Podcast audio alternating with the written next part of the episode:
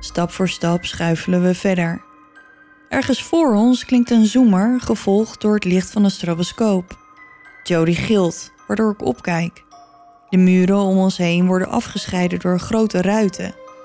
Rechts zit een man in een stevig ogende stoel, zijn armen en benen vastgebonden met leren riemen. Nu strompelt ze aan de andere kant van de rivier de oever op en ziet ze een kleine grot. Eindelijk is ze een beetje beschut tegen de storm. Het is stikdonker, maar plots verlicht een bliksemschicht eventjes fel de grot. Tot haar schrik zit Eketa aan de andere kant iets wat lijkt op een enorme menselijke schedel in de rotsen.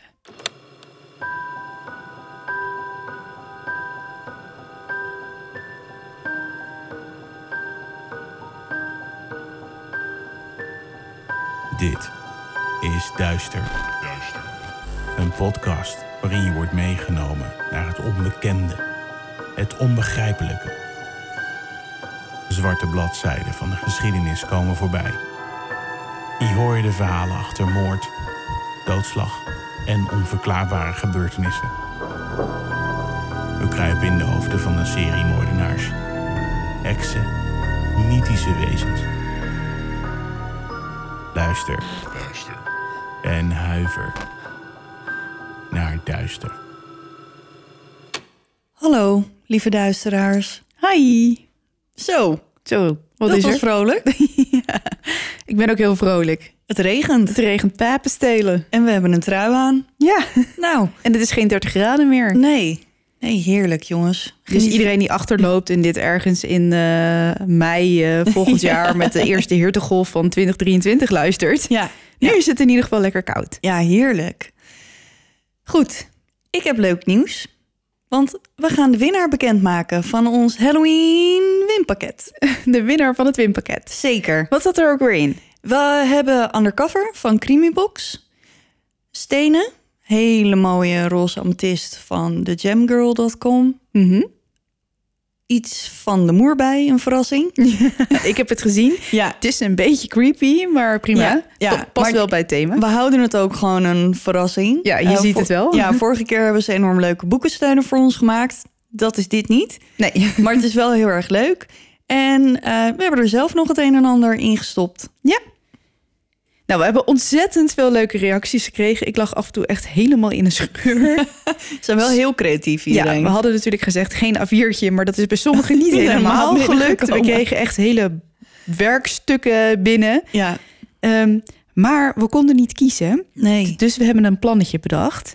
Want eh, jij, het spook en ik hebben allebei twee verhalen uitgekozen. Alle drie, ja. Eh, sorry, alle drie, je hebt gelijk. En ehm, we laten eigenlijk het Rad van Fortuin beslissen wie de winnaar is. Ja, Dat leek ons wel zo eerlijk. ja, want we kwamen er niet uit. Nee, En op een gegeven moment begon het wel heel lang te duren. ja. Ehm, en we willen ook gewoon graag een aflevering opnemen. Mhm. Dus ehm, ik heb mijn oude vertrouwde Rad van Fortuin er weer even bij gepakt. En ik ga nu op het knopje drukken.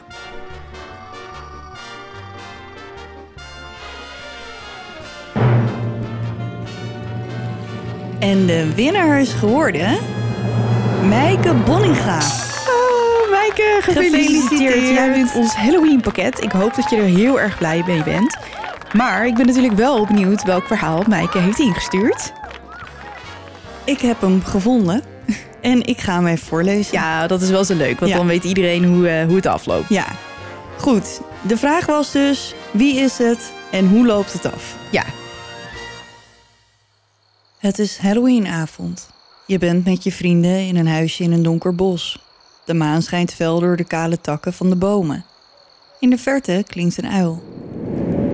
Binnen is het lekker warm. Jullie hebben alle voorbereidingen getroffen voor een Halloweenfeestje. De popcorn staat klaar, de Bloody Marys zijn gemixt, Touché Undercover van Creamybox ligt klaar. Maar plots valt de elektriciteit uit en daarna wordt er keihard op de deur gebotst. Ik leg mijn telefoon aan de oplader en druk het scherm uit. Even rust en gezelligheid. Geen werk meer nu.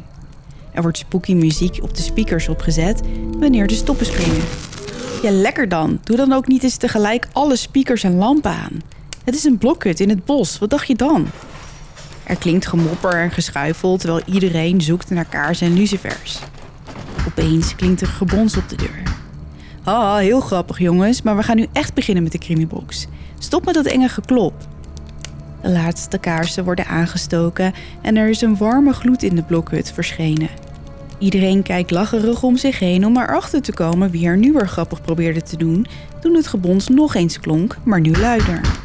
Verschrikt vliegt iedereen op en zo snel als ze opstonden bevroren ze op hun plek.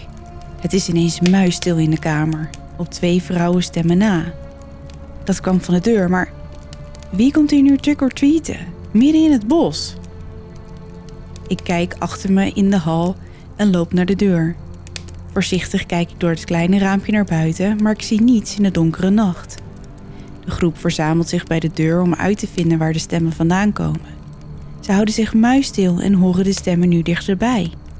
Alle oren zijn gespitst. Horen jullie dat ook? Plotseling klinkt er een harde schreeuw. De volgende seconde schiet iedereen in een fight-or-flight mode en er wordt geduwd en getrokken om weg te komen. Alleen ik blijf staan.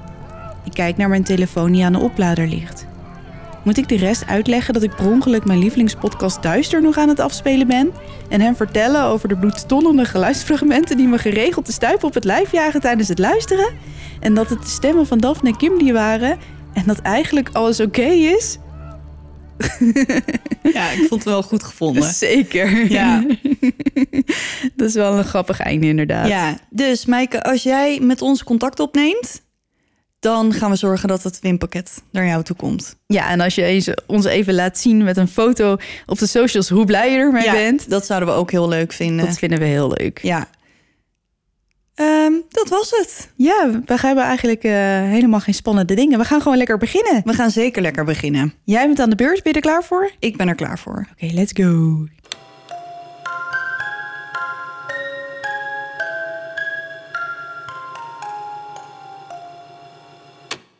Oké, ik heb iets anders dan anders. Ik heb geen normale zaak deze keer. Ehm, Spannend. Ja, Ik ben benieuwd. ja, want nou ja, er gebeurde in één keer van alles in mijn leven. Ja. En toen eh, was allemaal niet zo leuk. Nee. En toen dacht ik, ik wil wel echt heel graag iets doen. Mhm. Maar ik denk niet dat het me lukt om gewoon een hele zaak te researchen. En toen dacht ik ineens aan onze Halloween-aflevering van vorig jaar. Mhm. En daar zat een verhaal, had ik toen uitgezocht Ja. om te vertellen. Maar ik kreeg te laat toestemming van de auteur om hem te gebruiken. Ah.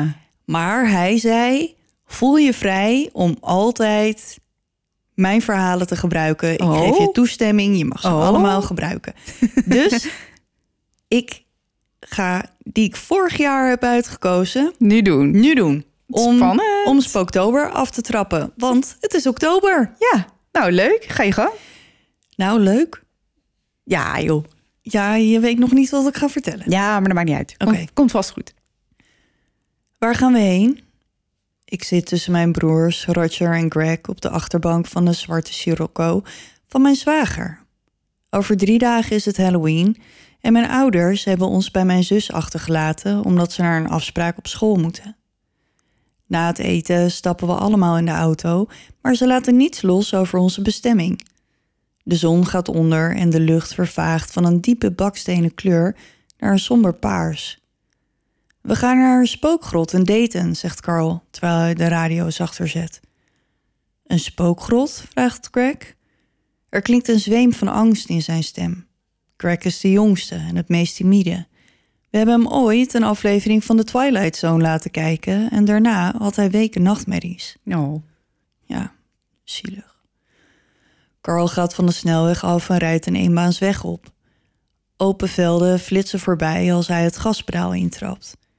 Roger en Greg grijpen instinctief naar de oh shit handvatten en ik, in het midden van de achterbank, bedek mijn ogen. De acceleratie van de auto duwt me in het koude leer van de stoel. Mijn maag draait zich om als we over een heuveltje rijden. Carl rijdt het liefst veel te hard in zijn auto. De grot is bij een boerderij, zegt hij, terwijl hij ons een blik toewerpt door de achteruitkijkspiegel. Er zijn mensen die het elk jaar opzetten. Een soort van rondwalend theatergezelschap.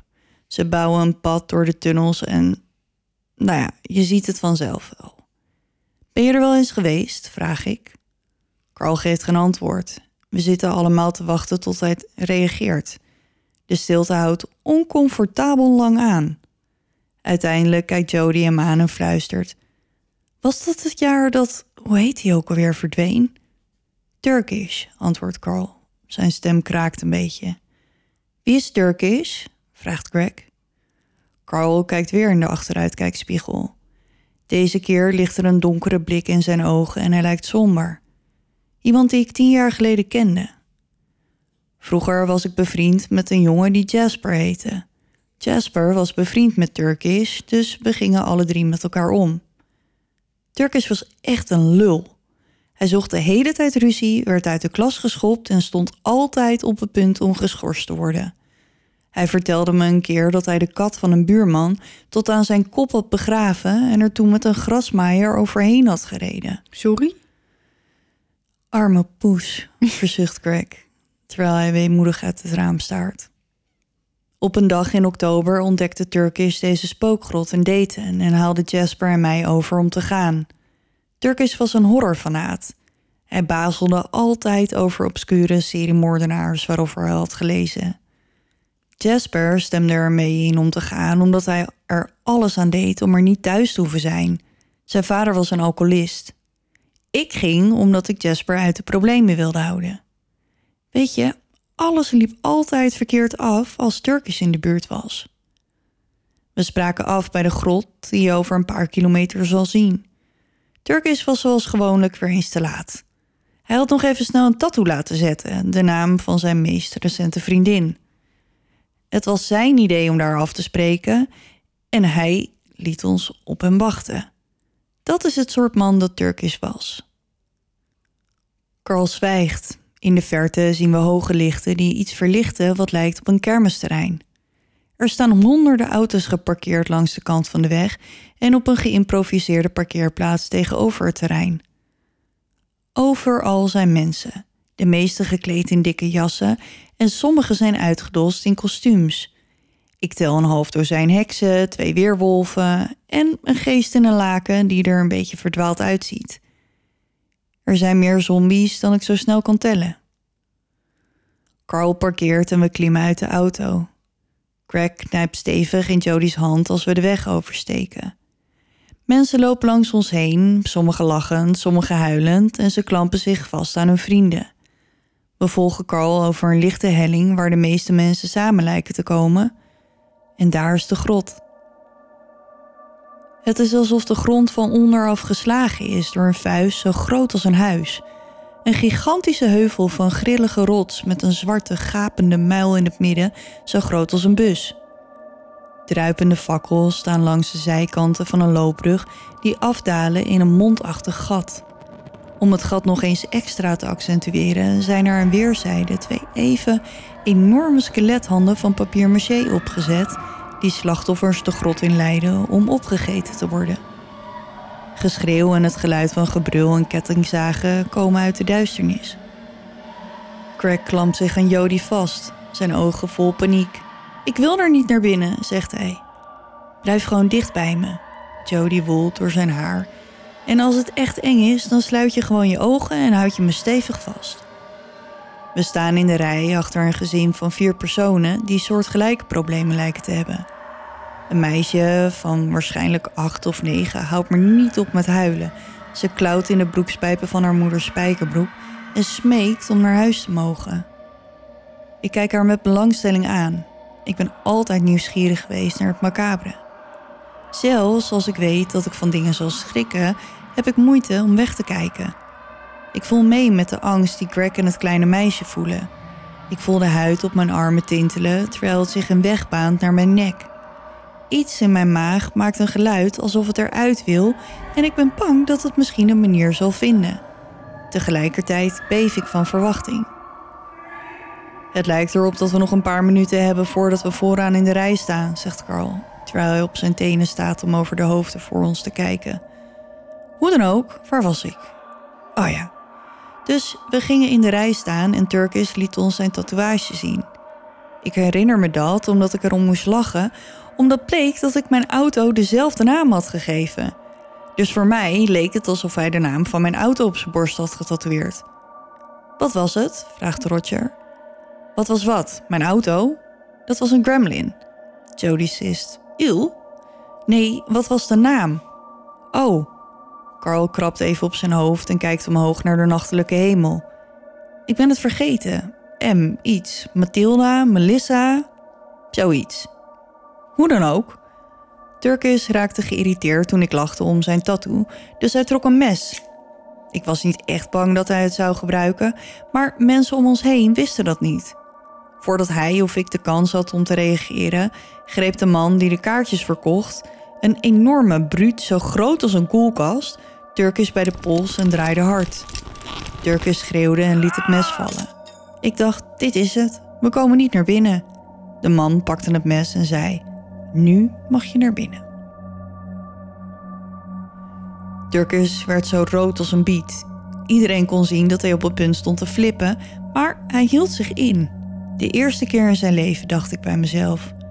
We gingen naar binnen en nadat we uit het zicht van de kaartjesman waren, begon Turkis te zweren dat hij terug zou gaan en de kaartjesman een schop onder zijn kont zou geven. Er waren een paar neppe lijken en na tien minuten razen klom Turkish over de reling en begon zijn woede op de requisieten te uiten. Hij werd gek, trok decoraties van de muren en Jasper en ik hadden zoiets van: Nou, laten we hier maar weggaan voordat hij ervoor zorgt dat we gearresteerd worden. We hebben hem in de steek gelaten. Ik liep gewoon verder de grot in.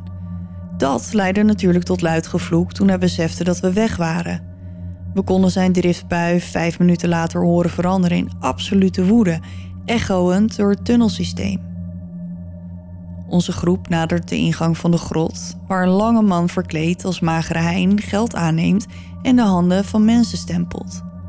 Hij draagt een grijze sluier die zijn gezicht verbergt. Een nogal echt ogende zeis is op zijn rug vastgebonden. Je gids komt er zo aan, zegt hij met een stem die water in ijs zou kunnen veranderen. Kunnen we niet alleen naar binnen gaan? vraagt Carl. We hebben in het verleden incidenten gehad, antwoordt magere Hein, terwijl hij zijn hand uitsteekt om zijn kind te strelen. Mensen die gewond zijn geraakt. Te veel rechtszaken. Greg blijft Jody stevig vasthouden en jammert. Ze buigt zich over hem heen en uit zijn hoofd, terwijl ze zijn naam keer op keer zegt in een poging hem te troosten. Carl kijkt me aan en rolt met zijn ogen. Ik denk dat ze niet willen dat mensen de grot voor anderen verpesten, zeg ik. Ik vraag me af of hij het misschien over Turkish heeft, merkte Roger op. Hij wrijft in zijn handen om warm te blijven. Magere Hein houdt geïnteresseerd zijn hoofd schuin. Iedereen kijkt naar Carl. Nou, toen Turkish ons in de tunnel inhaalde, waren zijn handen helemaal bebloed. We vroegen hem wat er gebeurd was. Ik was bang dat hij iemand had aangevallen. Hij vertelde ons dat hij zijn handen had bezeerd omdat hij struikelde toen hij over de reling klom en op de rotsen van de grot viel. Ik wist niet zeker of ik hem moest geloven of niet.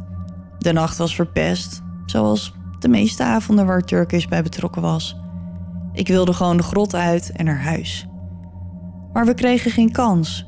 Voordat ik kon zeggen: laten we hier weggaan, hoorden we iemand heel boos schreeuwen. Andere mensen begonnen te gillen. Er was een donderend geluid en de vloer schudde. En wat komt er uit de tunnel? Die verdomde gigantische kaartjesman. Hij kwam als een monster op ons afstormen en joeg iedereen die hem in de weg stond te stuipen op het lijf. Hij kwam recht op ons af. Het was een zesde zintuig. Hij wist precies wie hij zocht. Turkish. Ik wist dat we geen kans maakten tegen die vent. Jasper en ik draaiden ons om en renden weg. Turkish stond daar en probeerde er stoer uit te zien, maar net toen hij binnen handbereik kwam, slaakte hij een gil en vluchtte weg. Gelukkig was de man groot en traag. We zijn uit de grot gekomen zonder dat hij ons te pakken kreeg. Toen we eenmaal weer in de buitenlucht waren, renden we de menigte in om hem helemaal kwijt te raken. Laat me je vertellen, achtervolgd worden door die man was enger dan de grot zelf de blik op zijn gezicht. Het was alsof hij ons wilde verscheuren. Ik heb een goed kwartier rondgedwaald om Jasper en Turkish te zoeken. Ik kwam helaas eerst Turkish tegen. Hij was praktisch krankzinnig van woede. Ik zweer dat zijn mond schuinde. Jasper vond ons een paar minuten later en we rookten bij de auto's een sigaret terwijl we probeerden wat te ontspannen. Turkish bleef maar tegen de auto naast hem schoppen en riep: Die klootzak heeft mijn mes nog. Jasper en ik hadden zoiets van: Weet je, vergeet het maar man, koop gewoon een nieuw mes. Die vent knalt je kop eraf als je teruggaat. Maar Turkish was, nou ja, stom. Hij bleef met zijn bebloede handen rondzwaaien en zwoer dat hij terug zou komen om de kaartjesman aan elkaar te slaan en zijn mes terug te krijgen. Toen keek hij ons boos aan en zei: Gaan jullie mee? Hell no, zei ik. We gaan echt niet terug naar die gorilla om met hem te vechten voor een stomme mes. Turkish gezicht werd weer donkerrood. Ik zweer dat er stoom uit zijn oren kwam. Hij stampte met zijn voeten, duwde ons allebei opzij en stormde naar zijn auto. Het kon niet schelen. Over een week zou hij het hele incident weer vergeten zijn. Ik wist het zeker. Ik herinner me het laatste wat ik hem hoorde schreeuwen voordat hij zijn autodeur dichtsloeg en wegreed.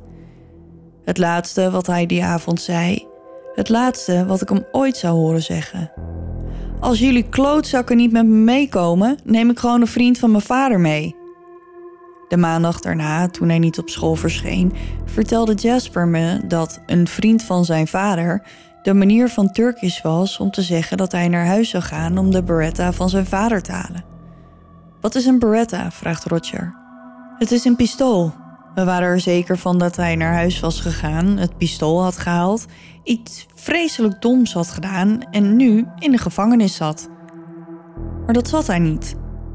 Hij was gewoon weg. Je hebt hem nooit meer gezien.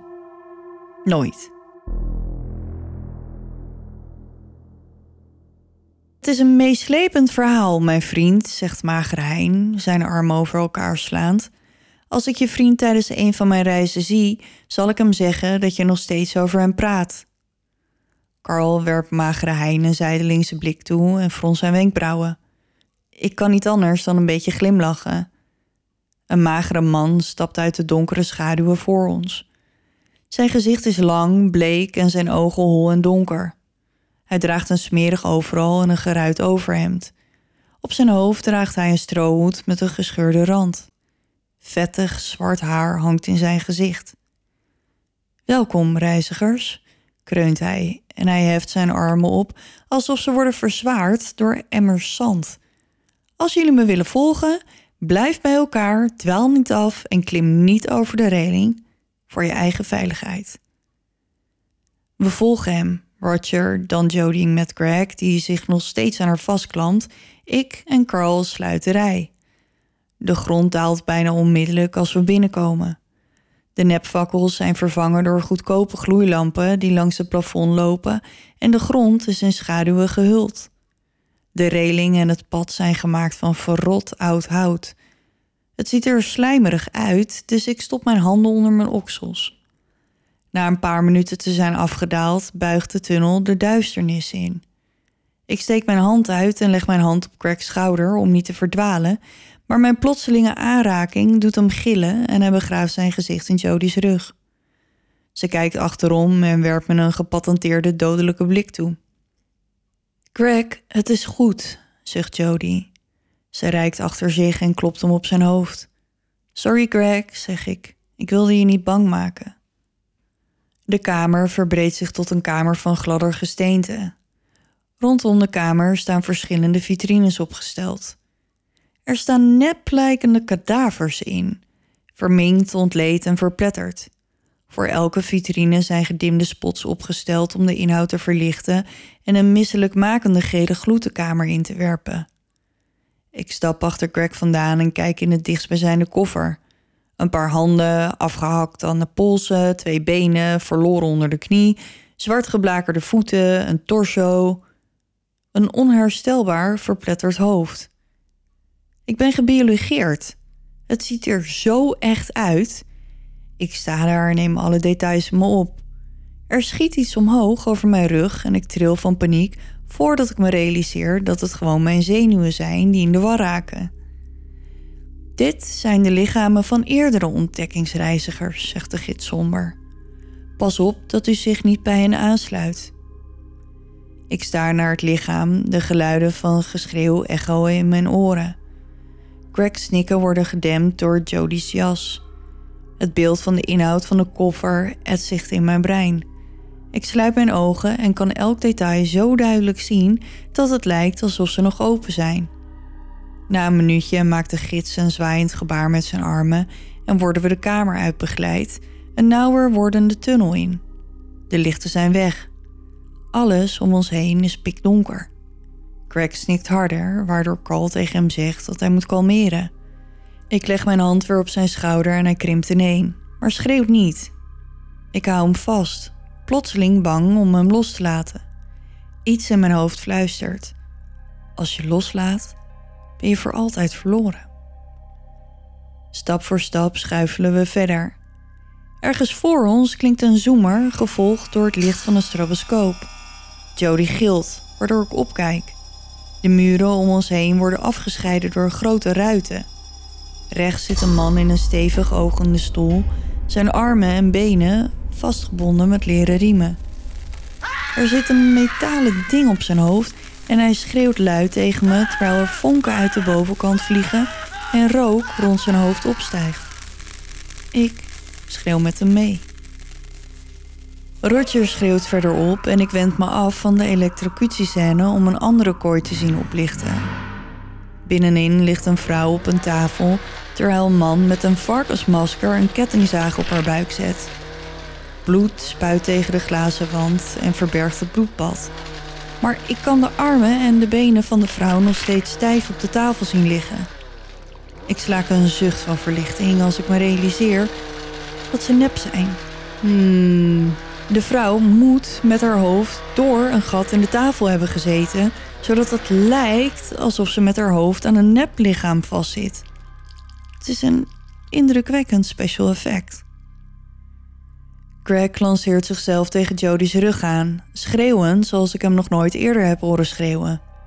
Dit is te veel, te realistisch.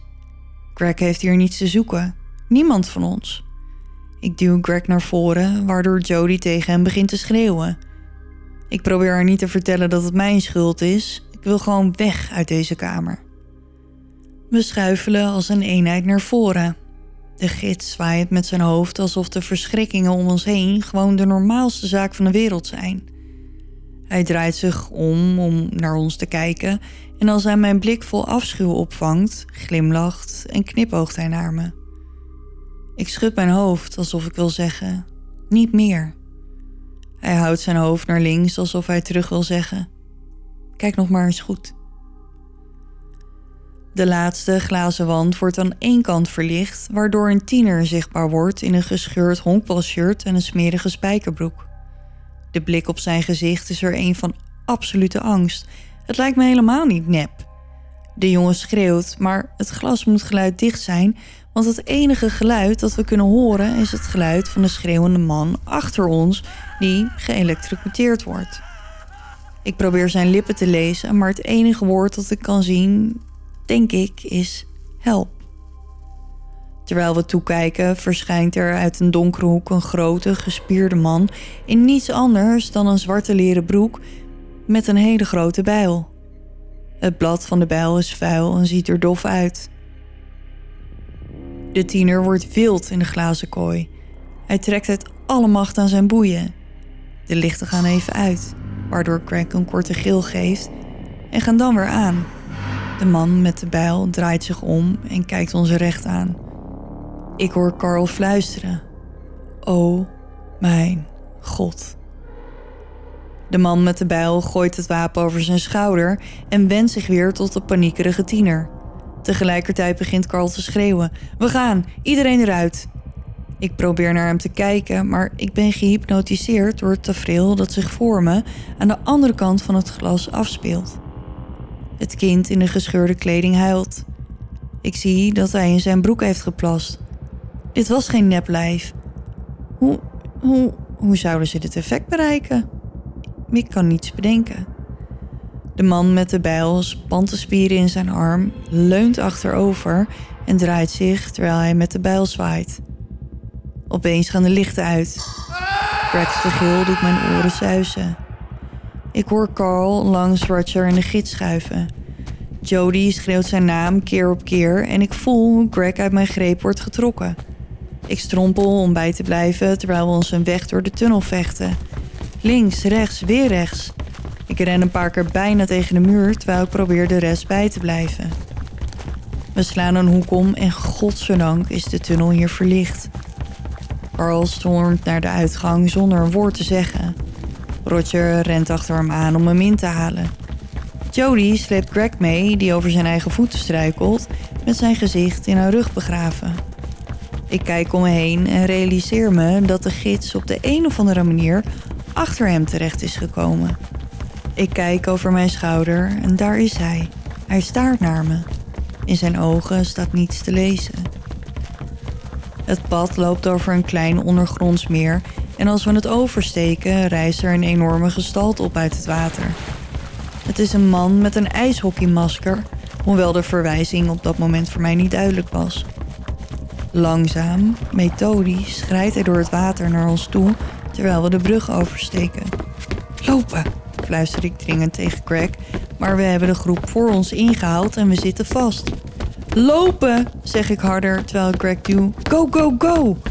De man met het hockeymasker begint over de reling te klimmen en ik verlies mijn kalmte. Ik begin te schreeuwen. De gids begint te lachen. Greg is niet gestopt met schreeuwen door dit alles, maar het is duidelijk dat zijn keel er rauw en pijnlijk van wordt. Jody schreeuwt naar Carl en Carl begint mensen in de groep voor ons opzij te duwen, die op hun beurt beginnen te gillen omdat ze niet weten wat er aan de hand is. We rennen nog steeds als we de grot uitkomen. Greg valt huilend op de grond en Jody pakt hem op om hem in haar armen te wiegen. Carl is zo wit als een vaatdoek en in zijn ogen staat blinde paniek te lezen. Alleen Roger lijkt onaangedaan door alles wat er is gebeurd. Ik haat hem vanwege zijn kalmte. Laten we maken dat we wegkomen, zegt Carl. En dat is het. We kunnen niet eens stoppen om op adem te komen. Jody neemt Greg, ik loop naar voren en pak Rogers hand vast en zo lopen we weg van deze helse plek. Ik zie je later, Greg, roept iemand achter ons. Ik draai me om om te kijken en de gids staat te zwaaien. Lekker dan, denk ik bij mezelf. We rijden in stilte terug, afgezien van het geluid van Greg die oncontroleerbaar huilt op de achterbank. Ik zit voorin, zodat Jody bij Greg op de achterbank kan zitten terwijl ze hem probeert te troosten. Ze slaat haar armen om hem heen en omhelst hem stevig. Zijn lichaam schudt van het gesnik. Roger zit stil en kijkt uit het raam. Ik kijk Carl nieuwsgierig aan, maar hij staart wezenloos naar de weg. Deze keer rijden we niet te hard, hoewel er een duidelijk gevoel van urgentie is, alsof we zo snel mogelijk bij die plek vandaan moeten. Carl, fluister ik om te voorkomen dat Greg iets hoort. Wat de fuck is daar gebeurd? Hij was het, zegt Carl, zonder zijn stem te dempen. Die man met de bijl. Hij was de gorilla die ons tien jaar geleden uit de grot heeft gejaagd. Greg huilt nog steeds als we voor ons huis stoppen. Onze ouders zijn nog niet thuis, dus Joni en Carl lezen hem verhaaltjes voor om hem te helpen slapen. Het kostte een half uur om hem te kalmeren en ik denk dat ze hem uiteindelijk iets hebben gegeven om hem te helpen slapen. Ik lig in bed, kijk uit het raam en luister naar het gesnik in de kamer naast me tot het verstomt. Ik huiver, lig daar en denk aan alles wat ik me kan herinneren van die avond. Alle afschuwelijke beelden branden in mijn schedel. Ik beleef het keer op keer in mijn hoofd, zoals ik geneigd ben te doen als er iets traumatisch gebeurt. Uiteindelijk komt Jody binnen en gaat op de rand van mijn bed zitten. Jody? Ik kijk haar even aan om er zeker van te zijn dat ik haar aandacht heb. Ze heeft donkere kringen onder haar ogen. Beloof me dat we daar nooit meer heen gaan. Ze zucht. Oh ja, ik kan je zeker beloven dat we jullie daar nooit meer heen zullen brengen. Nee, zeg ik, haar recht in de ogen kijkend. Beloof me dat jullie ook nooit meer terug zullen gaan. Tss, nee hoor, Jody fronst haar wenkbrauwen. Ik draai me om en staar uit het raam naar de zwarte oktobernacht. Madeline, fluister ik. Jody kijkt ook uit het raam. Ze fronst haar wenkbrauwen opnieuw. Waar heb je het over? Wie is Madeline? Carls eerste auto. Ze staat op en kijkt op me neer. Hoe weet je dat? Ik trek de dekens op tot aan mijn kin.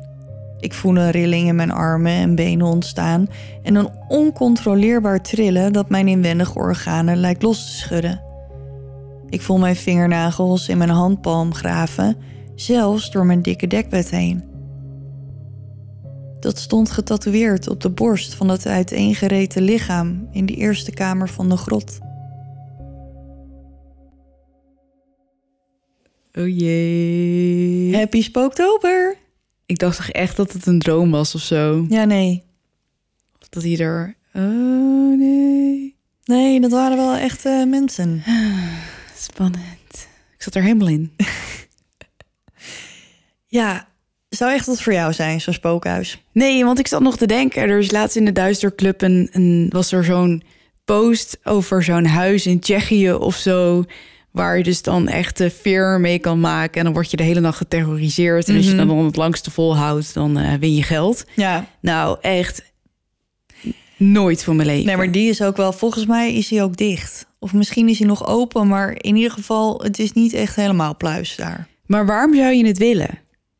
Omdat mensen denken dat ze stoer genoeg zijn om dat aan te kunnen. En die denken, ah joh, iedereen vindt het eng, maar ik niet, ik kan dat. Maar je wordt daar ook gewoon fysiek aangepakt ja, en zo. Ja, ja. Dus het is niet alleen maar schrikken. Nee, het is ook gewoon eh, ingesmeerd worden met varkensbloed en je hoofd onder water gehouden hè, en eh, dat soort dingen. Nou, maar echt nooit van mijn leven. Nee, Echt nooit.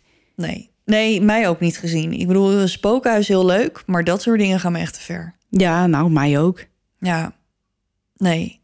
En trouwens, ik moet hier altijd naar binnen. Dat is ook altijd wel scary. Ja, nou, dat valt toch wel mee. Jawel. Nou, ik vond het heel spannend. Ja, nou ja, ik hoop dat het eh, toch een beetje eh, het goed gemaakt heeft. Ja. Dat, ik, eh, dat ik geen echte zaak had. Dat is toch ook leuk, dit? Ja. Weer eens wat anders. Ja, we hebben net een special achter de rug, maar echt alweer tijd voor wat anders hoor. Nee jongens, volgende aflevering ben ik er gewoon weer met een, met een zaak. Ja, nou, en ik ben vandaag niet zo eng, dus... eh, Compenseren je we hebt, je hebt het lekker. goed gemaakt. Precies. Mooi zo. Zal ik verder gaan? Graag. Oké. Je had het over een grot. Ja, Ik ga ook naar een grot. we gaan naar de grot. Ja.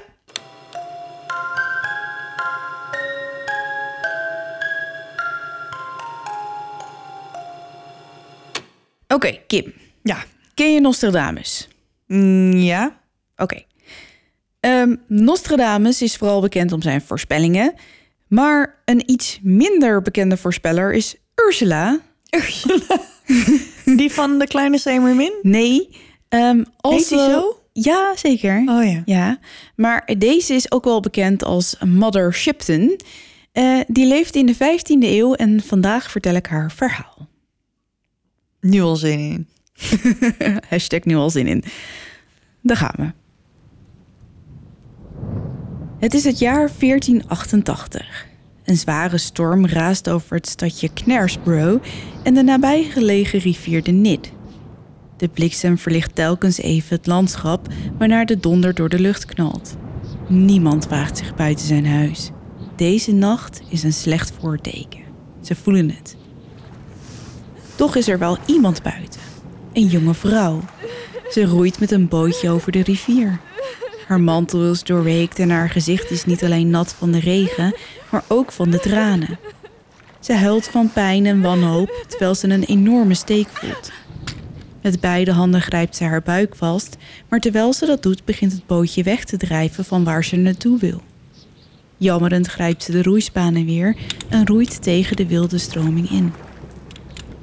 De jonge vrouw heet Agatha en ze is pas 15, maar toch verwacht ze op dit exacte moment een kindje.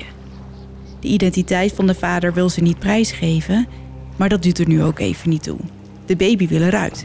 Nu. En dus is ze op weg naar de andere kant van de rivier.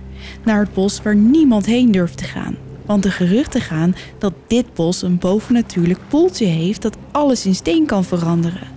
En niet alleen dat, Aan de rand van de poel ligt een rotsblok die de vorm heeft van een gigantisch schreeuwende schedel. Het moet wel het werk van de duivel zijn. Kan toch niet anders? Jaren geleden brachten mensen die zich daar waagden bladeren en stokken mee terug die in steen veranderd waren en zelfs kleine dieren ontkwamen niet aan de duistere magie. De oever lag bezaaid met hun versteende lijken. En dus bleven de mensen ver uit de buurt van die kant van de rivier. Maar Eketa is een wees. En toen ze ontdekte dat ze een kindje zou krijgen, werd ze wanhopig. Ze probeerden het zo lang mogelijk te verbergen, maar de mensen uit de stad kwamen erachter en weigerden haar te helpen zolang ze niet vertelde wie de vader was. Daarna hadden ze haar zonder pardon buiten de stadsmuren gezet. Huilend van schaamte en pijn was ze gaan lopen tot ze plots een stekende pijn voelde in haar onderbuik. Meteen wist ze hoe laat het was. Ze zou op zoek moeten gaan naar een plek waar anderen nooit zouden komen. Nu strompelt ze aan de andere kant van de rivier de oever op en ziet ze een kleine grot. Ze klautert naar binnen en glijdt bijna uit over de spekgladde rotsen. Eindelijk is ze een beetje beschut tegen de storm. Snel doet ze haar mantel af en legt hem over een rotsblok. Het is stikdonker, maar plots verlicht een bliksemschicht eventjes wel de grot. Tot haar schrik zit Eketa aan de andere kant iets wat lijkt op een enorme menselijke schedel in de rotsen. Er stroomt water langs de rotsen wat in een ondergronds poeltje terechtkomt. Dit zal het vast zijn, denkt ze. Ineens worden de krampen erger en weet ze dat het tijd is. Doorweekt en bibberend van de kou zakt ze op de grond en schreeuwt het bijna uit. Buiten raast de storm voort. En even later wordt het kindje geboren. De baby is een meisje en Eketa noemt haar Ursula. Maar er is iets mis. Het meisje is geen gewone baby. Ze ziet er raar en misvormd uit, met een vreemd gebogen rug. Haar voorhoofd is lang en uitgerekt en ze heeft geen haar. Haar neusje is spits met een bult erop. De ogen liggen diep in hun kassen. Haar kin loopt in een scherpe punt. Daarnaast is ze groot en zwaar en heeft ze kromme ledematen. Ze huilt niet, ze pruttelt alleen maar een beetje. Omdat ze nergens anders heen kunnen, besluit Eketa in een grot te blijven en in de twee jaar die volgen maakt ze er een thuis van, tot ze plots op een dag gevonden worden. Wacht, we zijn in één keer twee jaar verder. Ja, Maar hoe eh, leefde ze daar? Weten we dat? Eh, nou ja, ze vingen eh, dieren en vis. Nou ja, niet vis, want dat kan niet, want alles in Verand- dat verandert in steen. Maar ze kwam uit de rivier. Ja, Daar is toch vis? zeker. dus ze zullen zich wel daar eh, geleefd hebben op de een of andere manier. Ja, ja. ja. Oké, ze heeft in ieder geval... Oké, ze heeft zichzelf en haar baby twee jaar in leven gehouden... op Ja. een onbewoond eiland waar alles is steen. Oké. Nou ja, eiland. Het is een on, on, onverkend deel van het bos aan de andere kant van de rivier. Oké. Dus het is denk ik stad, rivier, bos waar niemand komt. Dus ja, nou ja. Oké. Nee, oké. Ik denk dat ze zich op de een of andere manier hebben kunnen bedruipen. Stinkgrotten. Oké, ik ga door. Maar goed, twee jaar dus. Uh, Eketa maakt er een soort van thuis van. Tot ze plots op een dag gevonden worden. Eketa wordt naar een klooster in Nottinghamshire gestuurd. En Ursula, die ondertussen geen baby meer is, wordt ondergebracht bij een gezin in Knaresborough. Wat ik overigens echt een vette naam vind. Knaresborough. Maar goed. Het gezin zorgt goed voor haar, maar echte liefde ontvangt het meisje daar niet. Eigenlijk zijn de mensen een beetje bang voor haar. Ze is lelijk en groot voor haar leeftijd. Ze kan niet goed lopen vanwege haar kromme benen en het lukt ook niet goed om haar hoofd omhoog te houden. En er gebeuren telkens hele vreemde dingen om haar heen. Zo was de vrouw van het gezin op een dag wat boodschappen gaan halen en toen ze terugkwam stond de voordeur van het huis wagenwijd open. De vrouw rende in paniek naar binnen en ging direct naar het kamertje van Ursula waar het meisje had liggen slapen. Tot haar grote schrik was het kind verdwenen. Op haar weg terug naar buiten hoorde ze plots het kind giechelen in de voorkamer. Snel ging ze kijken en daar vond ze het meisje terwijl ze naakt op de rand van de schoorsteen zat. Hoezo? Ja, dat weten we niet. Maar het is wel een beetje vreemd. Dat is wel vreemd, ja. Wanneer Ursula eenmaal een tiener is, wordt haar reputatie alleen maar slechter. De mensen noemen haar een heks. En daar hebben ze op zich ook wel een reden voor. Ursula zegt het zelf ook. Er is iets raars met haar aan de hand. Het is heel gek, maar ze weet dingen, zonder dat ze die kan weten. Zo wordt op een dag de buurvrouw bestolen van haar onderjurk. Ursula zegt tegen haar dat ze weet wie de jurk gestolen heeft en dat ze hem wel weer terug kan krijgen. De buurvrouw schiet een beetje in de lach en neemt haar niet serieus, maar de volgende dag is ze toch wel nieuwsgierig. Daarop volgend besluiten ze naar de markt te gaan. Ze zijn er net enkele minuten als Ursula wijst. Er komt een jonge vrouw op hen afgelopen. In haar hand heeft ze de onderjurk vast, die ze stellig overhandigt aan de buurvrouw. Meteen biedt ze haar excuses aan. Ja, eh, ik was het. Ik heb de jurk gestolen. Hier heb je hem terug. De buurvrouw loert geschokt naar Ursula, maar die kijkt alleen maar triomfantelijk. En het is niet alleen dat Ursula dingen weet die ze niet kan weten, ze kan ook van alles laten gebeuren. Zo is er op een avond een nette heer op bezoek die zichzelf heel wat vindt. Hij negeert haar, maar hij vindt het wel nodig om haar constant af te zeiken en haar te vertellen hoe lelijk ze wel niet is. Tuurlijk. Ja, dit gaat een uur of anderhalf zo door, totdat ze het ineens helemaal zat is. De familie ziet haar intens naar de man staren en plots vliegt zijn nekkraag van zijn hoofd om een paar meter verder in een gebruikte kamerpot te belanden.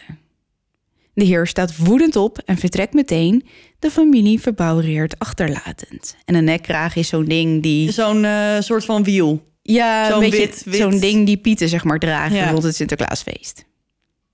Ondanks haar ongewone uiterlijk trouwt ze wanneer ze een jaar of 24 is. En als ik zeg ongewoon, dan druk ik me zachtjes uit. Ursula is namelijk niet echt een mooie vrouw. Ze heeft een hoog voorhoofd en nog steeds niet heel veel haar. Er groeien vratten op haar neus die allemaal een diep paarse, zwartachtige kleur hebben. Haar kin komt zo ver naar voren dat haar kaak uit verband getrokken wordt, waardoor al haar tanden ver uit elkaar staan. Ze heeft een bochel en kan nog steeds niet goed lopen, mede veroorzaakt door haar x-benen. Haar ogen zijn hol en haar mond is alleen maar een dunne streep. Haar stem is geel en krakerig, maar toch is op de een of andere manier wel bijzonder. Ondanks alles is het timmerman Tobias Shipton die om haar hand vraagt. Alle inwoners van de stad staan perplex. Tobias is echt een leuke jongen. Wat moet hij nou met haar? Ursula heeft vast een of ander liefdesdrankje gebruikt. Kan toch niet anders? Welke man wil er nou vrijwillig met die duivelsdochter trouwen? Zo onaardig. Ja. Toch laat het stel zich in de echt verbinden en leven de twee enige tijd zeer gelukkig in Tobias zijn huisje. Ursula zou wel graag een kindje krijgen, maar dat lukt het stel helaas niet. De tijd met Tobias is een gelukkige, want eindelijk lijkt het erop dat het stadje haar aanwezigheid een beetje lijkt te accepteren. Ze vallen haar niet meer zo lastig, pesten haar niet meer zo en een enkeling maakt zelfs een gezellig praatje met haar. Ook haar reputatie als waarzegster groeit. Van heinde en verre komen mensen om haar raad vragen en hopen ze dat ze hun toekomst wil voorspellen. Ursula weet veel over planten en kruiden en is dus in staat om toverdrankjes te maken. Maar dat niet alleen. Ze kent toverspreuken, kan wonden genezen, helpt soms bij bevallingen, maar wordt ook gevraagd te komen wanneer mensen gaan sterven. De inwoners van de stad zijn niet bang, maar ze blijft een vreemde vogel die men, als het even niet hoeft, ook liever niet tegenkomt. Toch houdt ze zich staande en weet ze heel goed wie er vijand en wie er vriend is. Maar dat komt allemaal abrupt tot een eind wanneer Tobias plotseling sterft. En uiteraard is dat de schuld van Ursula. Tuurlijk. Kan niet anders. Nee, ze zal hem wel vergiftigd hebben of zo met een van haar toverdrankjes. Ursula weet niet wat ze moet doen. Het beetje respect dat ze heeft opgebouwd de laatste jaren weerhoudt de burgers ervan haar meteen te verbannen, maar het getreite wordt duidelijk weer erger, totdat het ondraaglijk wordt. Ze neemt een besluit. Er is een plek waar ze ooit gelukkig was, met haar moeder samen. En dus pakt ze haar spullen in en vertrekt. Ursula steekt de rivier over en maakt dezelfde wandeling die haar hoogzwangere moeder ooit maakte, tot ze bij de grot aankomt. Ze verzamelt hout en maakt een vuur. Daarna maakt ze van stro en dekens die ze meegenomen heeft een bed en maakt het zich gemakkelijk. Hier zal ze moeten blijven. En het duurt een tijdje voor de mensen haar weer vinden. Het zijn vooral reizigers die het bos doorkruisen die haar tegenkomen en soms een toverdrankje van haar kopen. Ook verkoopt ze zeep en medicijnen gemaakt van kruiden. De mensen refereren naar haar als de oude heks en soms als moeke of moeder. Ze beginnen haar moeder Shipton te noemen. Ursula vindt het best, zolang ze haar maar met rust laten. Toch kan ze het niet laten om haar nogal cryptische voorspellingen de stad in te sturen, meestal via jagers of reizigers, waarna ze worden doorverteld. Het is een soort drang die Ursula niet kan onderdrukken. Een van haar voorspellingen gaat als volgt. Er zal water over de Oesbrug stromen en een windmolen zal op een toren worden gezet. Een iepenboom zal bij de deur van elke man liggen. Ik zie je heel moeilijk kijken. Ik gok op een orkaan. Nee. Oh. Ja, nou, niemand weet dus precies wat in inhoudt. Een windmolen op een toren. Water zal over de Oesbrug stromen. Wat betekent dat? Krijgen ze soms een overstroming? Lang gebeurt er niets, maar op een dag verwondert de lokale bevolking van York zich wanneer er een waterleidingssysteem wordt aangelegd. Over de brug worden leidingen geplaatst waar water doorheen stroomt, afkomstig uit de Oesrivier. Een windmolen, gebouwd op een al bestaande toren, zorgt ervoor dat het water door de leidingen gepompt wordt. Maar dan hebben we nog de iepenboom, want die zal voor de deur van elke man liggen. Ursula weet misschien niet waarom ze dit al wist dat dit zou gebeuren, maar één ding is zeker: ze heeft namelijk wel gelijk. Want de leidingen van het watersysteem zijn namelijk uit iepen gehouden, want in tegenstelling tot andere houtsoorten rot iep niet als het nat wordt. En het watersysteem loopt door heel de stad, zelfs langs de deuren van de inwoners. Een iep zal voor de deur van elke man, liggen. Ja. Een andere voorspelling gaat zo. Voordat de Oesbrug en de Trinity Kerk elkaar ontmoeten, zal wat overdag gebouwd is in de nacht vallen, totdat de hoogste steen in de kerk de laagste steen van de brug is. Nou, wil je een poging wagen? Eh, Wil je hem nog een keer horen? ja. Voordat de Oesbrug en de Trinity Kerk elkaar ontmoeten, zal wat overdag gebouwd is in de nacht vallen, totdat de hoogste steen in de kerk de laagste steen van de brug is. De kerk stort in over de brug. En dan? Dan.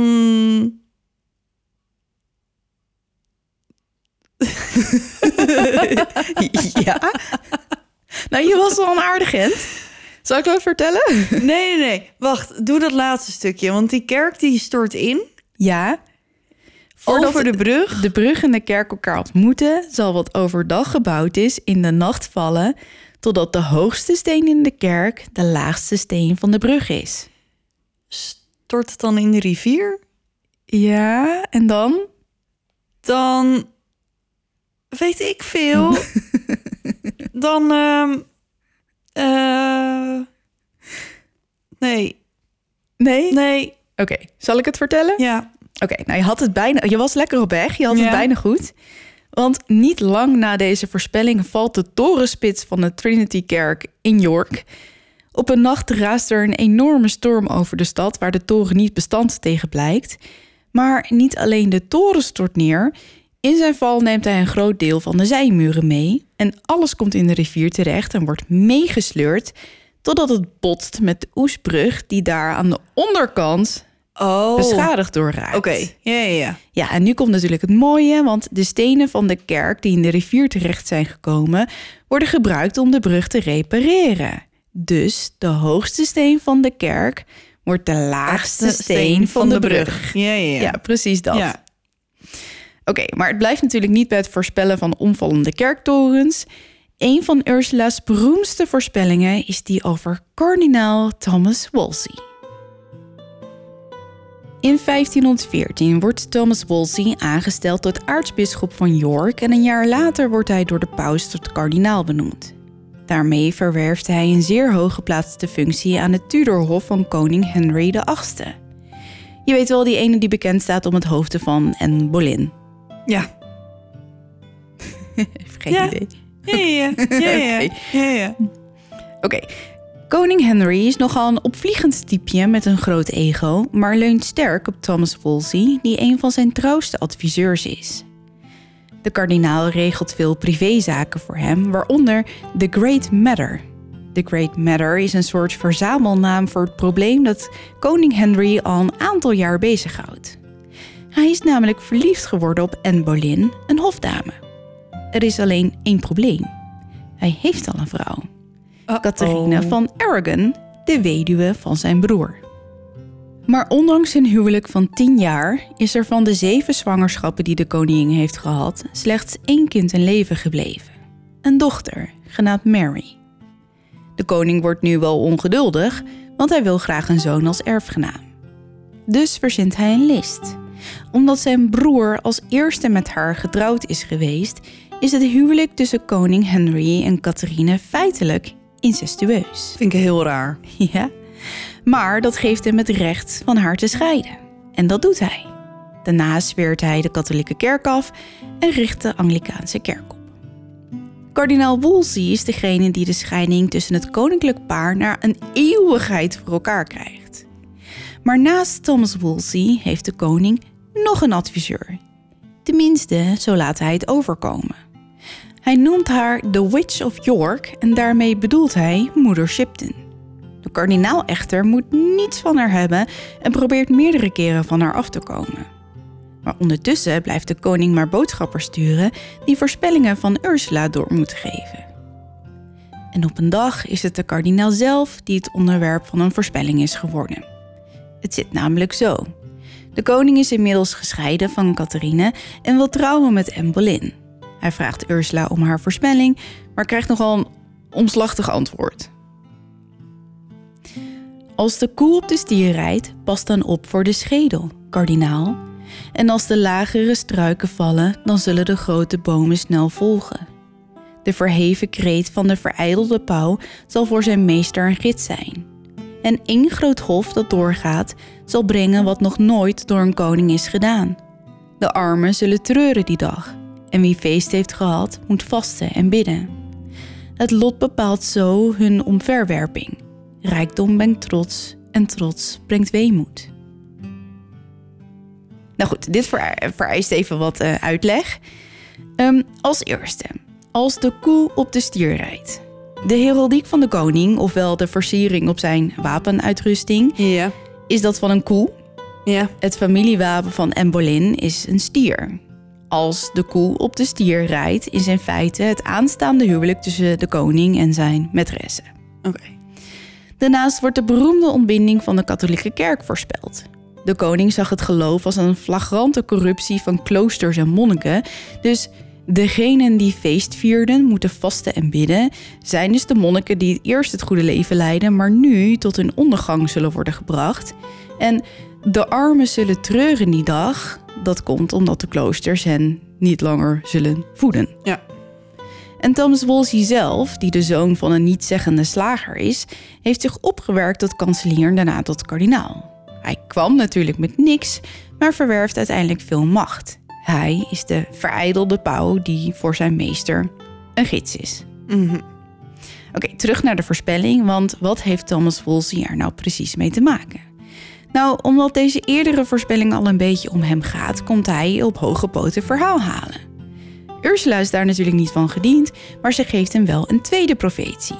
Ze vertelt hem dat, hoewel hij York zal zien, hij er nooit een voet in zal zetten. De kardinaal antwoordt haar dat wanneer hij in York aankomt, wanneer dat dan ook mogen zijn, hij een enorme brandstapel zal laten bouwen waarop hij haar als heks zal verbranden. Dat ze het maar even goed in haar oren knoopt. Wat een charmante man. Nee, niet echt.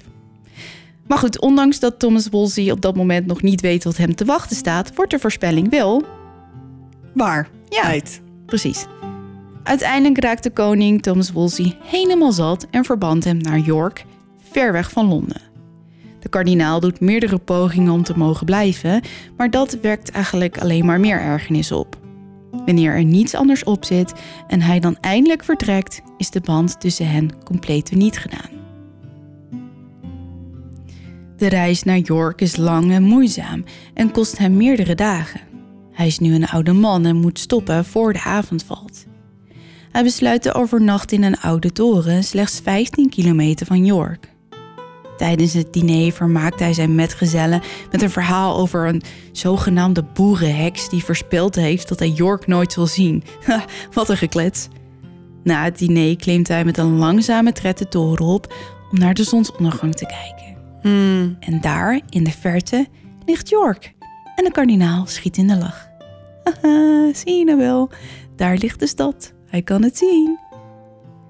Maar de volgende ochtend, wanneer hij zijn reis wil hervatten, wordt hij plotseling ingesloten door soldaten. Ze vertellen hem dat hij onder arrest staat wegens hoogverraad en terug naar Londen zal worden geëscorteerd.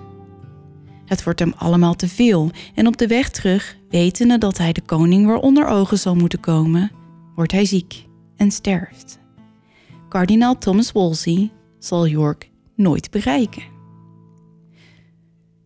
Moeder Shipton heeft dus weer gelijk gekregen en ze krijgt het nog een keer. Zo ook de voorspelling over de burgemeester van York. Ik weet niet zo goed wat ze met die stad heeft, maar... Nee, maar de, de- een verbintenis. Ja, precies. Ehm, helaas is deze voorspelling eh, heeft iets minder informatie, maar hij gaat ongeveer zo. Als de burgemeester op Minister Yard woont, moet hij oppassen voor een steek. Wat? Ja. Wat voor steek? ja, nou ja, laat nou net de burgemeester van York verhuizen naar een andere straat in York, namelijk Minister Yard. eh, waar hij op een avond vlak na de verhuizing wordt beroofd en drie keer gestoken wordt met een mes. Steek? Ja, Ja, maar ik vind het best knap, want ze heeft dit gewoon gezegd. ja, Bedacht. En toen Ge- gebeurde het. Ja, Dat is toch knap? ja. Oké, ehm, we hebben er nog een paar. Dus we gaan even een soort van eh, ja, 30 seconds aan voorspellingen van Ursula doen. Ehm, ik heb een paar mooie uitgezocht namelijk. Maar we moeten ons wel bedenken dat moeder Shipton sommige niet zo goed begrijp, kon begrijpen. Omdat ze over een wel erg verre toekomst gingen. Ja. Ze vertelde ze ze dus op een beetje op zijn middeleeuws, zeg maar. Oké. Oké, komt de eerste. Zodra het vurige jaar voorbij is, zal de vrede zijn als voorheen. Overal is genoeg te vinden en mannen met zwaarden zullen de grond ploegen. De tijd zal komen dat zeeën van bloed zich zullen vermengen met een grotere vloed. Koetsen zonder paarden zullen gaan en ongelukken vullen de wereld met weemoed. Over de hele wereld zullen gedachten van mensen in een oogwenk vliegen. Nou, zeg het maar. We kunnen appen. We hebben auto's. we, ehm, eh, wat, de, de eerste, wat dacht ik daar nou van? Ehm, Zodra het vurige jaar voorbij is, zal de vrede zijn als voorheen. op de een of andere manier dacht ik aan de grote brand in Londen. Maar dat, zal, dat duurde niet een heel jaar. Nee. Dus dat is hem niet. Nee. Eh, wat was de volgende? Overal is genoeg te vinden en mannen met zwaarden zullen de grond ploegen. Geen idee. Nou ja, ehm, ik ga je wel een beetje helpen. Ja. Ehm, er wordt niet echt een specifieke tijd aan deze voorspelling gehangen. Mhm. Maar het lijkt er een beetje op alsof ze het na de Tweede of de Eerste Wereldoorlog heeft. Eh, de vrede zal zijn als voorheen. Overal is genoeg te vinden. Mannen met zwaarden zullen de grond ploegen. Ja. Dus dat betekent dat de soldaten die eerst vochten nu Terug zijn een op leven kunnen gaan opbouwen. Nou ja, koetsen zonder paarden zullen inderdaad eh, auto's zijn. Ja. En eh, de laatste, over de hele wereld zullen gedachten van mensen in een oogwenk vliegen. Ehm, Telefoneren. nee, e-mailen. E-mailen. Ja. Of in ieder geval het ontstaan van het internet. Oké. Dat is wat het internet hierover denkt. nou ja, ik vond hem wel eh, goed gevonden. Ja. Oké, de volgende. Wateren zullen zich nog meer verwonderen. Hoe vreemd ook, toch zal het waar zijn. De wereld zal ondersteboven zijn en goud zal worden gevonden aan de wortel van een boom. Door heuvels zullen mannen rijden en geen paard of ezel zal aan hun zijde zijn. Onder water zullen mannen lopen, springen, praten. In de lucht zullen mannen worden gezien, in het wit, in het zwart, in het groen. Nou, brand maar los. De maanlanding. Oh ja, leuk gevonden, maar... eh, Zoiets? ja, nou ja, in ieder geval vliegtuigen. Vliegtuigen. In de lucht zullen mannen vliegen. Ja. Ik weet niet waarom precies in het wit, in het zwart, in het groen. Nou ja, ik dacht dus... Nee, ze hebben altijd een... Hebben ze altijd een wit pak aan? Nou ja, Astronauten? ja. Want ik dacht dus misschien is het dan Amerika, Rusland, China? China. Japan? Nee, ja. Nou ja, Zoiets wit, zwart, groen. Ja, China is rood, toch? Meer. Ja, maar je weet toch niet wat voor kleur ruimtepak ze hebben? Nee, ja, ik vind hem best wel... Ja, is wel dacht ik enigszins eh, misschien, goed gevonden. Ja, precies. Nou, we gingen onder water in een eh, duikboot. Ja, zeker. Ja. Alleen dat goud bij die boom. Ik denk dat er boven een regenboog zat. en dat de leprechaun daar overheen liep, zo naar die pot goud. En die staat dus om, bij die boom. Ja, nou, oké. Toch? ja, toch, toch? zeg dat ik gelijk heb. ik weet het niet. Oké, de volgende. Het schijnt ook dat ze de pestepidemie van Londen voorspelden... en later, je zei het net al, de Great Fire uit 1666... Ja. die de volledige stad van Londen in de as legde. eh, tenminste, de binnenstad. Maar die gaat zo. Er zal een tijd komen dat een schip de Thames zal opvaren... totdat het Londen tegenkomt en de kapitein van het schip zal huilen... en de zeelieden van het schip zullen hem vragen... waarom huilt hij toch? Hij heeft toch een goede reis gemaakt? En de kapitein zal zeggen... ach, wat een mooie stad was dit ooit. Met geen enkele ter wereld valt ze te vergelijken. En nu is er nauwelijks nog een huis dat over is, wat ons kan laten drinken voor ons geld. Nou, die lijkt me vrij duidelijk, toch? Ja. Dus dus niks meer over, geen Nee, herberg. nee, en, nee, helemaal niks. nou ja, niet. de mensen Nee. die geld hebben, die kunnen nergens meer En iets te drinken kopen. Ja, ja. want het is er gewoon niet meer. Ja. Oké, we gaan nog even door. IJzer in het water zal drijven, zo eenvoudig als een houten boot. De Titanic. Goud zal gevonden en gevonden worden in een land dat nu niet bekend is. Vuur en water zullen meer wonderen doen. Engeland zal eindelijk een Jood toelaten. De Jood die minachtend werd gehouden, zal uit een christen geboren en geboren worden. Amerika? Dat zou je denken. Het goud wordt gevonden en gevonden. Ja, ja. De gold rush. Ja. Ehm, Australië. eh, Canada. De Yukon.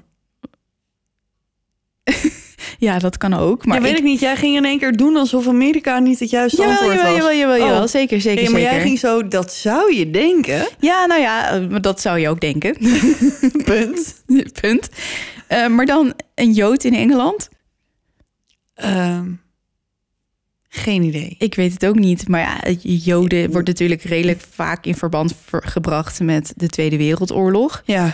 Maar uit een christen geboren en geboren worden, deze vind ik een beetje lastig. ja, maar het internet wist het ook niet. Nee, nee, nee, Oké, als jullie het weten, laat het, ons, dan- laat het ons dan weten. zeker.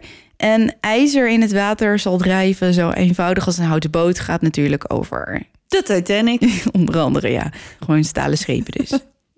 Oké, de laatste, want ze voorspelden ook het einde van de wereld. Oh, Ja. oh. Maar deze is een beetje cryptisch. Alweer. Ja. Goh. Eh, hij gaat zo.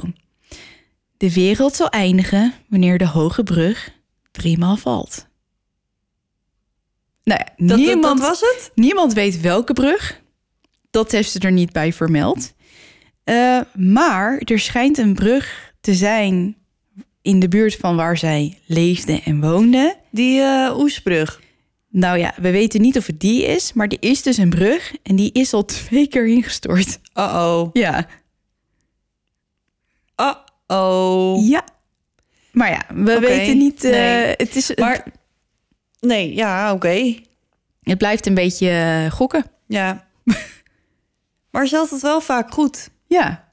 Nou ja, over vaak goed. Er wordt ook beweerd dat ze de nederlaag van de Spaanse Armada heeft voorspeld. En de executie van Mary Queen of Scots.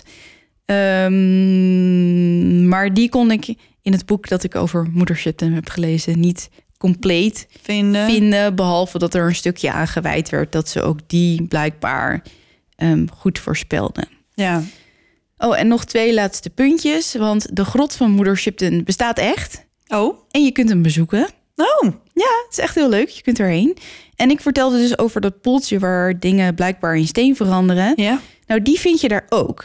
En ehm, zoiets bestaat echt. Ze noemen dat ook wel een petrifying well. Dus een... Maar dat is toch ook eh, Harry Potter? eh, dat was toch ook zoiets? Ja, ja, ja, ja. Ik wist dat ik het ergens al eerder had Ja. gehoord. Maar goed, zulke wateren bestaan echt. En ze bevatten een heel hoog gehalte aan mineralen en bacteriën.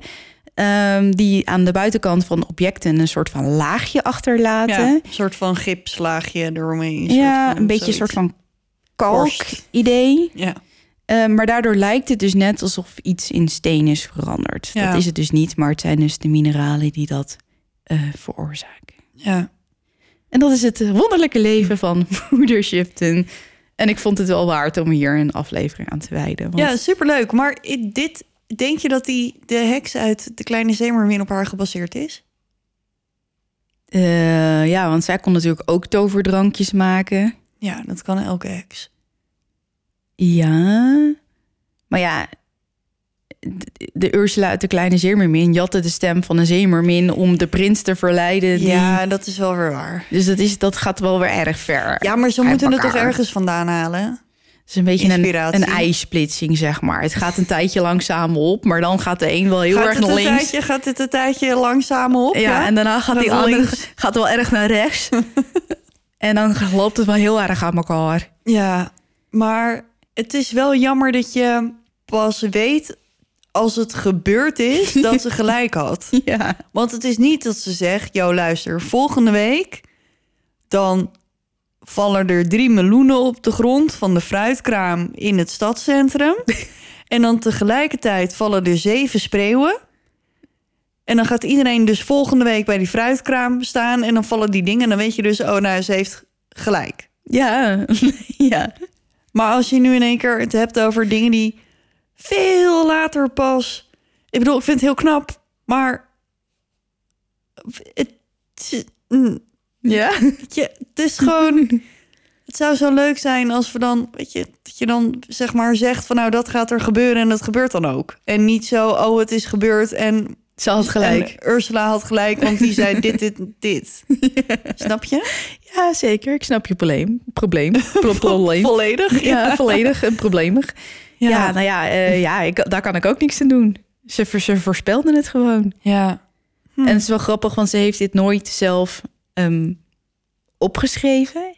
Het is altijd van mond tot, tot mond. Niet mond op mond, maar Nee. mond tot mond gegaan. Totdat uiteindelijk in 1891 of zo...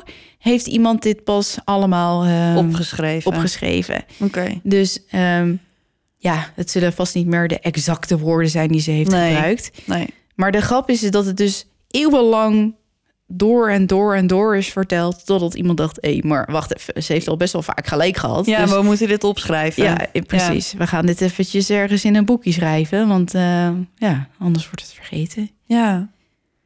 Het een hele leuke. Goed zo. Ja, Dus we hadden allebei een grot vandaag. ja alle twee een grot. Hmm. Nou, dan eh, zit het er weer op. Mhm. We zijn aan het einde gekomen van deze pl- planning. Planning. Jezus, ga jij even anders terug naar je werk, zeg. Jezus. deze aflevering. En weet je hoe dat komt? Ik heb dus één collega, sorry Dennis, die, die heeft een beetje dyslexie of zo. En die typt altijd in plaats van groetjes, typt die grotjes. dus toen we het net over de grot hadden, dacht ik aan mijn werk. En toen aan de planning. En toen dacht ik, nou ja, uh, cirkeltje per rond. Ja, ja, ja. ja. Oké. Maar goed, het is laat. Ik denk dat, het, eh, dat moeder Shipton heeft voorspeld dat naar mijn bed gaat. oh, sorry. Nou, sorry jongens, een beetje een melige, melige aflevering Ja. misschien. Maar dat kon ik wel gebruiken. Goed zo. Dat eh, komt wel goed uit. Ik wil nog een keertje Mijke heel erg feliciteren met haar pakketje. Zeker. Dus stuur ons vooral snel een berichtje. Dan zorgen we dat hij hier naar je toe komt. Eh, mocht je nou heel erg aan het treuren zijn... omdat je undercover niet gewonnen hebt... aan alle duisteraars... met onze code duister krijg je 10% korting bij Creamybox. hey, En... daar is de brandweer. Lekker tijdstip.